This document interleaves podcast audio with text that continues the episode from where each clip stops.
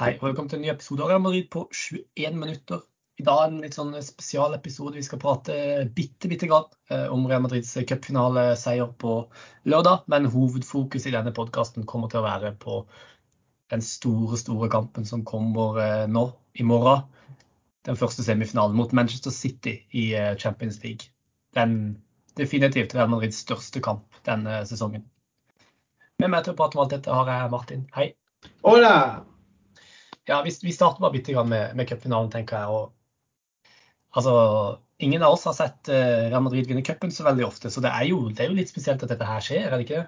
Jo, eh, det er egentlig veldig spesielt. og ja, Vi snakket jo veldig mye i forrige episode om uh, denne cuptriumfen, spesielt i 2014. da. Men nå i 2011, begge finalene mot Barcelona. Men før det hadde man ikke vunnet Copa del Rey til før tilbake på 90-tallet. Og jeg så en interessant statistikk fra Mr. Chip, selvfølgelig, på kampdag på lørdagen, eh, som var at ja, Real Madrid har vunnet var det 14, eh, eller det er 14 eh, Champions League-finaler og tapt tre, var det vel? Mens man på det tidspunktet vel hadde vunnet 19 Copa del Rey-finaler, men tapt 20. Mm. Og det sier jo egentlig sitt om ja, kall det dette omenet til Real Madrid som klubb, og at det å vinne jevne cup, det har egentlig aldri vært noen noen enkel greier. Og vi fleipa litt med at det å vinne Copa del Rey for Real Madrid er som for andre lag å vinne Champions League. Og vi er nærmere ikke så veldig langt unna av det som kan defineres som nesten en sannhet der. fordi det er virkelig ikke hverdagskost. Så det var veldig gøy med en ny cuptriumf. Ja, definitivt. Og eh, en ting som også er litt gøy, er at eh, Rodrigo nok en gang viser seg fram på, fra sitt aller beste i de største eh, øyeblikkene. Det blir jo altså direkte kampavgjørende med to skåringer. Um, og igjen en litt sånn sesong som kanskje har gått litt under radaren for, for veldig mange. Han er i ferd med å levere en helt fantastisk eh, sesong. Eh, og det er jo ingen tvil om at Copa del Rey-triumfen, hele reisa med Copa del Rey denne sesongen, kommer jo til å bli definert av Rodrigo. Eh, han skåret det første målet da Real Madrid sleit i denne her tøffe, tøffe bortekampen eh, helt i starten. Jeg har glemt eh, laget. Caserenio. Caserenio, det var det, ja. Uh, han skåret jo også, var jo med på å snu kampen mot uh, Atletico Madrid. Skåret et fantastisk uh, mål der og nå to mål i, i finalen. Det er Rodrigos eh, trofé, dette her, om man skal tildele en person, er det ikke det? Jo, det vil jeg absolutt si. Og det er egentlig en sånn fin prikk over i-en, da, som illustrerer den veldig veldig fine utviklingen jeg vil si han egentlig har hatt i Real Madrid, og særlig det siste året. og man har liksom sett det på banen, og spesielt i Champions League-spillet i fjor. men der var det på en måte mer rette litt Venezia Junior og ikke minst Karim Benzema som stjal overskriftene. Der Benzema skåra hat trick på hat trick og, og Venicius avgjorde finalen. Eh, så det at Rodrigo nå får litt velfortjent eh, spalteplass som kanskje nøkkelen til det at tittelen nå endte opp i, i Madrid, det er, det er, veldig fortjent. Ja, definitivt. Men en annen spiller som vil, vil nevnes, som jeg syns fortjener mye ros for den prestasjonen han leverte, det er Venicius, og faktisk eh, så mener jeg at han var Real Madrids eh, beste. Det er lenge siden jeg har sett eh, han ydmyke en høyreback så mye som det han gjorde med Moncayola, særlig i første omgang. og jeg kan ikke fatte og begripe at, han ikke, at ikke han høyrebacken ble bytta ut i løpet av pausen, for han må ha vært svimmel. Han klarte ikke én gang å få has på Venicius. og Første skåringa stammer jo fra at Venicius dribler hele Sasunas høyre side. Andre skåringer stammer også fra et godt Venicius-løp som til slutt eh, via et eh, crosskudd eh, ender opp hos Rodrigo. Så Finicius er i god, god form. Og det får meg liksom litt videre til neste poeng. og overgangen da kanskje til inn i City-kampen. og det er Hvor mye betyr det at Real Madrid har denne triumfen nå i sekken? De vant et stort, de har, de har nå vunnet et stort trofé denne sesongen. Det var jo mange som var redd for at det ikke kom til å skje. Uh, vunnet et av de store trofeene. Copa på Rey, et trofé mange ikke hadde vunnet i, i Real Madrid enda, og eh, Det er jo litt sånn ledende spørsmål, da. Men er dette her en motivasjonsboost? Hvor stor motivasjonsboost er dette her for, uh, for Real Madrid? At det er en boost, det vil jeg si det ikke er noen tvil om. Og vi snakket jo en del nå er det jo faktisk tre-fire måneder siden om denne Supercopa de Spania. Hvordan det at man vant den tittelen forrige sesong, har, eh, hadde det påvirka som en boost for spillerne, for det hadde de jo sagt selv. Og det at man nå får en sånn positiv opplevelse før disse kampene mot City, det, det, tror jeg egentlig er bare veldig sunt. Og det, det setter liksom virkelig to streker under det svaret som jeg egentlig vil trekke fram at jeg kom med for i de foregående episodene, nemlig at det som har skjedd i La Liga i det siste, det er ikke så veldig relevant. Eh, for der har man tapt serien, og kommer man andre- tredjeplass. Det bryr man seg egentlig ikke om. I den hvite delen av Madrid, de, de samler ikke på andreplasser. Uh, så uh, det at man måtte virkelig få vist det, det tror jeg egentlig er veldig sunt. og jeg tenker vel litt med grøss og gry på hvordan det her kunne vært om man skulle ha tapt mot Sassona. Så jeg tror det er veldig positivt at man går inn i City-kampen nå med en, en, god vibe. Og så blir det jo unektelig veldig veldig spennende å se hva konklusjonen etter de to kampene blir. Ja, fordi Copa del Rey er, en flott uh, triumf for Real Madrid. Er noe de ikke har vunnet på lenge og ikke noe vi skal undervurdere. Men det er jo ingen tvil om at hovedfokuset for Real Madrid nå, det, det er på, på, Champions League. og Manchester City kommer til å være den største testen for uh, Real Madrid denne sesongen. Men som de også påpekte i, i Managing Madrid-podkasten i forkant av denne City-kampen, det syns jeg er litt interessant. Real Madrid er nok uh, mest sannsynlig også den tøffeste testen Manchester City har møtt denne sesongen.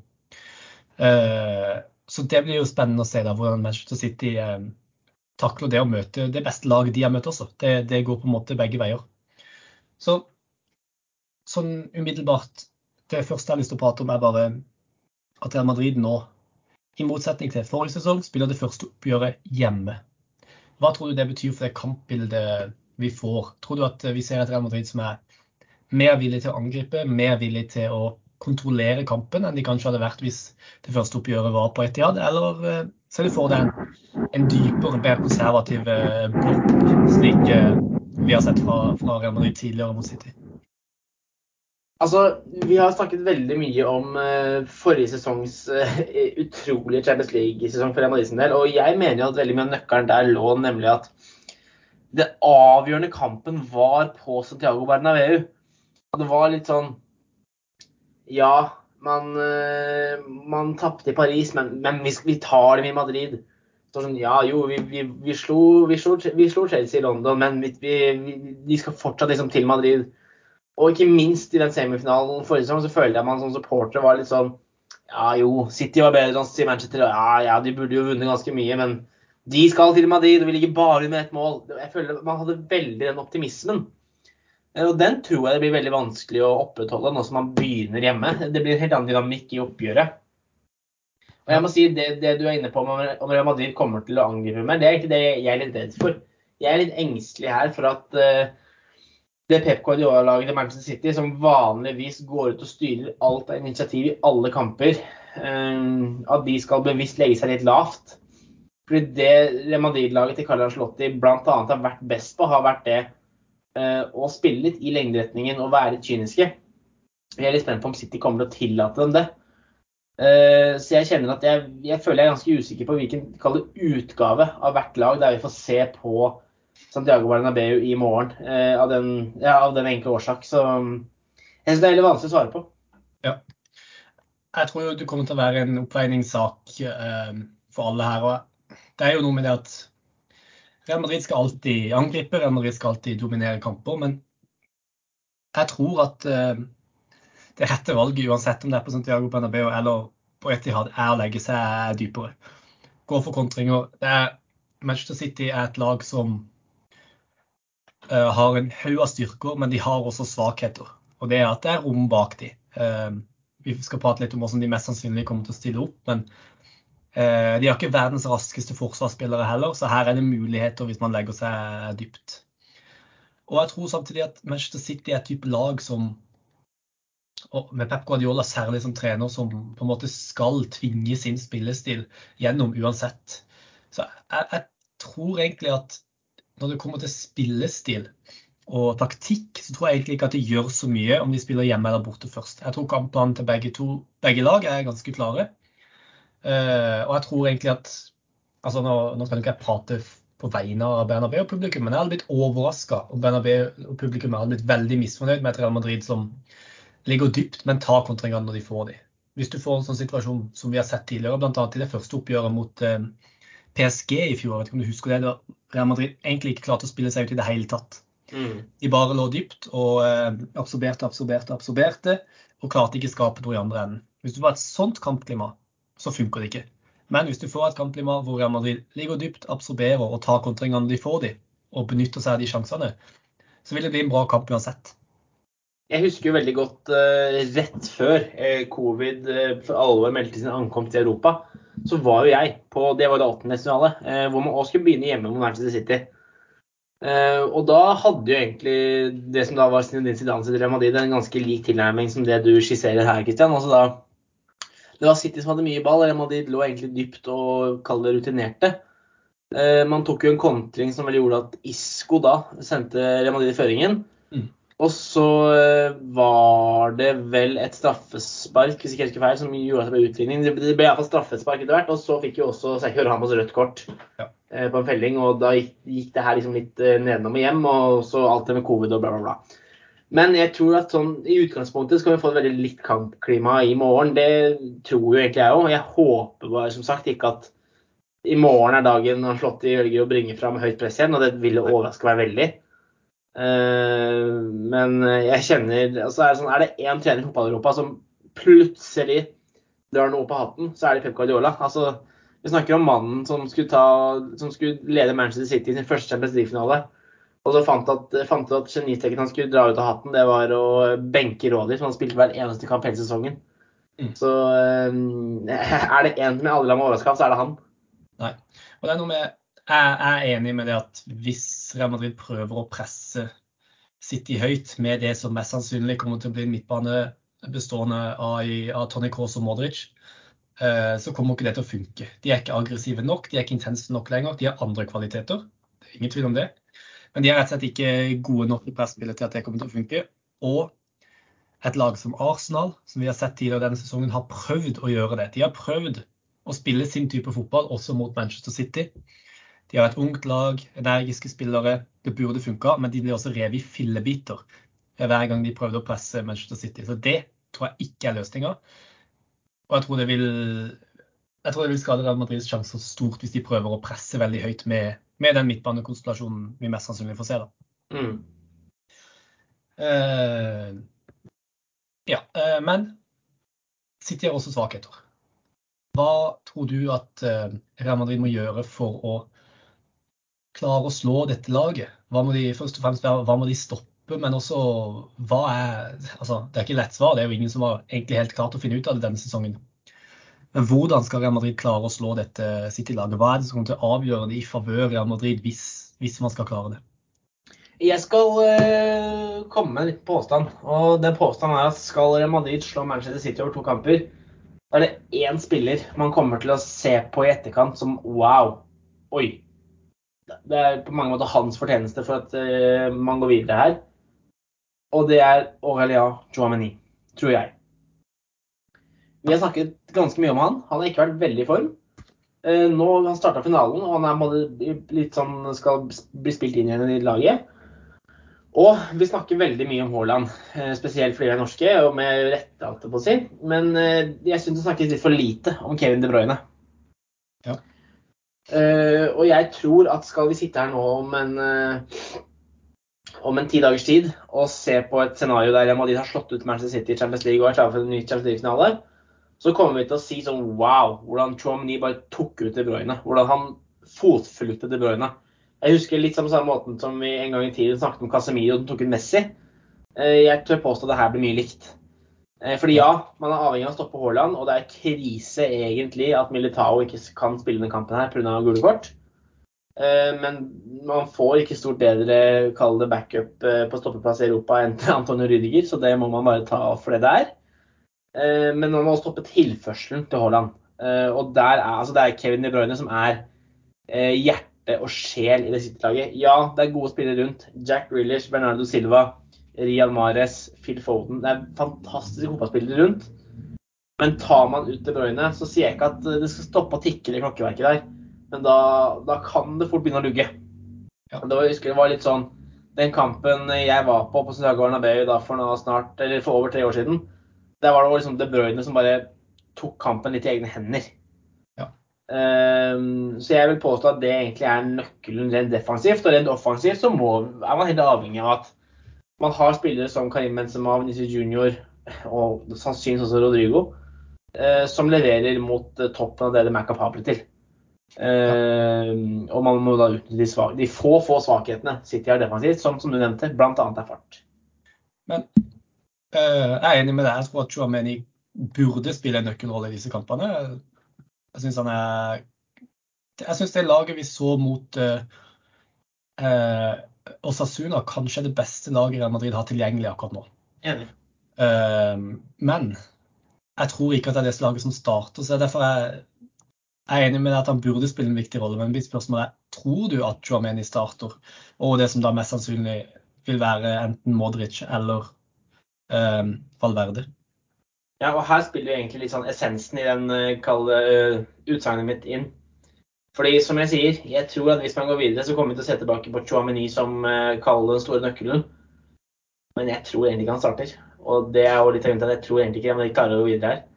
Jeg er jo litt redd for man skal ende opp med Tony Cross i dypet midtbanen, som bl.a. funka med Barcelona. Um, og da, nei, da må jeg bare si at det, det, det stresser meg, rett og slett. Ja, jeg er enig. Jeg er skeptisk til at eh, Chouameni starter, og jeg tror eh, laget vil, vil, være ganske likt som det vi har sett i de store kampene nå på våren, nemlig med Kroos, Modric og Valverde på, på midtbanen. Rodrigo, er han 100 bankers? Er, det, er vi kommet der nå? Han har jo vært fantastisk, og vi prater jo bare om han i innledninga, hvor god han har vært i de store kampene. Er han såpass bankers at det å starte Valverde som høyre kant og starte med å Rodrigo på benken nå er blitt uaktuelt? Ja, han burde være det, basert på prestasjoner. Men jeg klarer liksom ikke å utelukke det. Men når man ser litt sånn på hvordan han har utvikla den startleveren til i løpet av sesongen, så tror jeg Rodrigo starter mot City, ja. Ja. Enig. Noe annet hadde vært rart. Så da ser vi for oss at uh, laget blir litt likt som vi har sett i tidligere kampene. da. Men Manchester City, der er det mer uh, usikkerhet. De har jo etablert en sånn angrepsrekke der som er ganske solid, og så driver Pep Guardiola med noen veldig veldig rare greier i forsvar, som av en eller annen grunn fungerer kjempebra. Nemlig Han flytter vel en av midtstopperne opp til å spille midtbane. og så, ja, Det er, det er rare greier. Poenget er at um, han har stort sett brukt fire midtstoppere i laget sitt. da. Og det har vært uh, Stones, Akanji, Ruben Diaz og Nathan Akay rapport eh, litt inn og ut der med særlig Akanji, så vidt jeg har fått med. Ja. Ingen av de er særlig raske eh, nødvendigvis. Det er Stone som trekker opp i midtbanen. Men et eh, grep Guardiola har gjort litt de siste ukene, som jeg har lagt merke til, det er at han har brukt, begynt å bruke Kyle Walker som en av disse midtstopperne. Og en del av meg mistenker at det er noe han gjør for å gjøre han klar til å møte Venicius. Hvordan ser du på dette? Jeg vet ikke, Du har sikkert ikke følt så mye med på Manchester City nødvendigvis du heller, men tror du at f.eks. hvis det er Manuel Akanji som starter, tror du at uh, City vil ha mer problemer med å stoppe Venicius da enn hvis f.eks. er Kyle Walker? Tror du det er et grep uh, Guardiola kan gjøre? For Walker klarte seg ganske greit mot Venicius i fjor i den lille perioden han spilte. Han var jo definitivt skada da han spilte den kampen i fjor, men klarte seg greit. Hva, hva, tenker du om det? Er det et grep han kan gjøre, eller tror du det blir liksom den faste forsvarsrekka han har gått for? Det er absolutt et grep han kan gjøre, og jeg mistenker at han kommer til å gjøre det også. Eh, jeg tror Pep Guardiola helt ærlig har eh, mareritt nær sagt jevnlig om eh, den scenen som utspilte seg når Venezia Junior fikk ballen på sida på Etiad der og parkerte Fernandinho som ble si, erstatteren på høyrebekk når Walker ble skada. Uh, og jeg tror han kommer til å ville gjøre alt han kan for å, å hindre at noe lignende skal skje igjen. og Altså Venicius har tatt kvantesteg han og siden i fjor, og ingen høyrebekk i verden kan man måtte si at han stopper Venicius, og det er greit. Men er det en høyrebekk eh, slash defensiv spiller da, som har måte, best forutsetninger for å begrense Venicius i størst mulig grad, så er det Kyle Walker. Så jeg må si jeg, blir, jeg kommer til å sperre opp øynene hvis det er sånn at Kyle Walker ikke starter kampen i morgen. Det, det, må jeg si. Ja. En annen ting er jo, jeg vet ikke hvor mye det har å si, men Nathan Akay har jo kanskje vært eh, ja, sammen med Ruben Diaz da Manchester Citys beste forsvarsspiller. denne sesongen. Og han er litt uh, usikker til denne kampen. Trente ikke med laget i dag, måtte han med skade mot Leeds i helga. Hvor mye tror du det betyr? Jeg tror det er, tror det er så enkelt som å bare sette inn Laporte der. Du mister jo litt fart da i duellen med, med Rodrigo på høyresida. Er det noe du kan se på som potensielt avgjørende, eller er det, er det såpass enkelt at man bare setter inn Laporte? Altså, det er aldri enkelt, og spesielt altså, som du sier, jeg, jeg, ser ikke City uke inn og uke ut, men jeg har jo av naturlige årsaker sett City mer enn mange andre engelske lag denne sesongen her. Og Ake har egentlig vært eh, mer eller mindre klinkende fast, i den grad du kan være fast i et Pep Guardiola-lag. Han har jo tilnærmet seg litt mer sånn her med å ha en litt mer etablert elver, og litt mindre sånne sinnssyke rotasjoner. Mm. Eh, og du mister måte, litt sånn eh, Du mister en atlet, da. For jeg syns Ake er veldig god. Han er veldig sånn allrounder. Han er ikke nødvendigvis eh, ekstrem på noe som helst, men han er veldig god på det aller, aller meste. Eh, så det tror jeg er et stort minus. Og nett mye fordi at Laporte er nok bedre i det rent forsvarsspill og pasningsfot, men han er vesentlig treigere enn Ake. Og det har vært litt den eh, intrikate løsningen man la om til når man solgte Zinchenko til Arsenal. For i kampen i fjor så var det Zinchenko som var venstreback. Mm. Så jeg hadde ikke fått med meg at han gikk av med skade mot Viltjelja. Den kampen fikk ikke jeg sett pga. eksamen, men hvis han ikke spiller, så er det interessant. Og da, det vil jo eventuelt være insentiv for å starte Rodrigo. Nettopp ha litt mer offensiv kraft på den siden. Ikke minst for å flytte litt City sitt fokus over fra å skulle bare forsvare sin høyre side, men på en måte prøve å jevne ut eh, der de må rette sine ressurser på hvordan de skal forsvare seg. Sånn at ikke de fokuserer utelukkende på Venezia Junior. Det kan også være fordelsaktig. Ja. Og så et siste spørsmål. Spørsmålet eh, Jeg tror ikke de fremste fysikere og de fremste forskerne i verden engang kan klare å finne svar på. Hvordan stopper man Erling Braut Haaland? Ja, du, du bare, du bare kasta den sånn på slutten, du. Ja. Nei, altså det går jo ikke. Uh, hvis man skal si det litt banalt og litt enkelt. Uh, nå er det så mange stoppere i verden som har prøvd seg på det. Uh, han virker rett og slett helt enorm på absolutt alle områder. Og det som kanskje imponerer meg mest der, er det rent psykiske. Han virker aldri som han lar seg vippe av pinnen. Er det én midtstopper i verden jeg skulle gjerne likt å sett prøve, så er det Sergio Ramos. Er mm. det en det jeg vil kalle god nummer to, så er det Antonio Rüdiger. For han har litt sånn samme det derre Unnskyld ordbruken, men har litt samme drittsekkstempelet. Ja. Uh, for å prøve å komme seg under huden på noen. Uh, og det, det, er litt med, litt med den badboy-innstillingen. Mm. Og altså, man, skal jeg være helt stygg òg, altså, den spilleren jeg eh, ser på det som mest sannsynlig at tar i bruk skitne triks for å stoppe Haaland, er også Antonio Rüdiger. Eh, og det kan dessverre være at uh, det blir nødvendig. Og, ja. Men som sagt, med lovlige midler er det nesten helt umulig å stoppe Erling Haaland. Det tror jeg egentlig er så enkelt som det. Jeg syns du var litt inne på noe i stad, å stoppe eh, forsyning av innlegg. Stoppe ja. leveranse inn til Haaland tror jeg er viktig. Men han er såpass god at han klarer på en måte å skape noe ut av ingenting også, på egen hånd. Eh, men jeg tror at du er inne på noe der, og som du sier, klarer man å vippe han litt av pinnen Rydiger er en drittsekk på banen, altså. Han er det. Han kan klare det. Eh, så, altså, vi snakker om mannen her som har PP som sitt forbilde. Ja, jeg, jeg, tror at det er ingen spillere heller ville hatt i den duellen eh, per dags dato enn Antonio Rydiger. Så vi får se. Han er nærmest umulig å stoppe, og jeg tror jo på mange måter at det er det som gjør at City har, sine, har marginene på sin side i år. da. Nemlig at de har fått en spiss som jo skårer 50 mål. Eh, bare ja, tidenes uh, mestskårende Premier League-spiller og hele pakka. Det er, det er helt vanvittig det han driver med. Så jeg tror at det på en måte gjør at, at City er ikke store, men iallfall klare favoritter før denne kampen. vil jeg si. Absolutt. Absolutt. Mm. Nei, det var kanskje det vi hadde tid til i dag. Vi kan jo bare nevne også det at uh, returoppgjøret det spilles jo på selveste 17. mai. Som jo passer veldig dårlig for mange. Hvordan, hvordan, er planen din der? Du... Nei, planen der er at er, selv 17. mai går ikke over Real Madrid, for min del.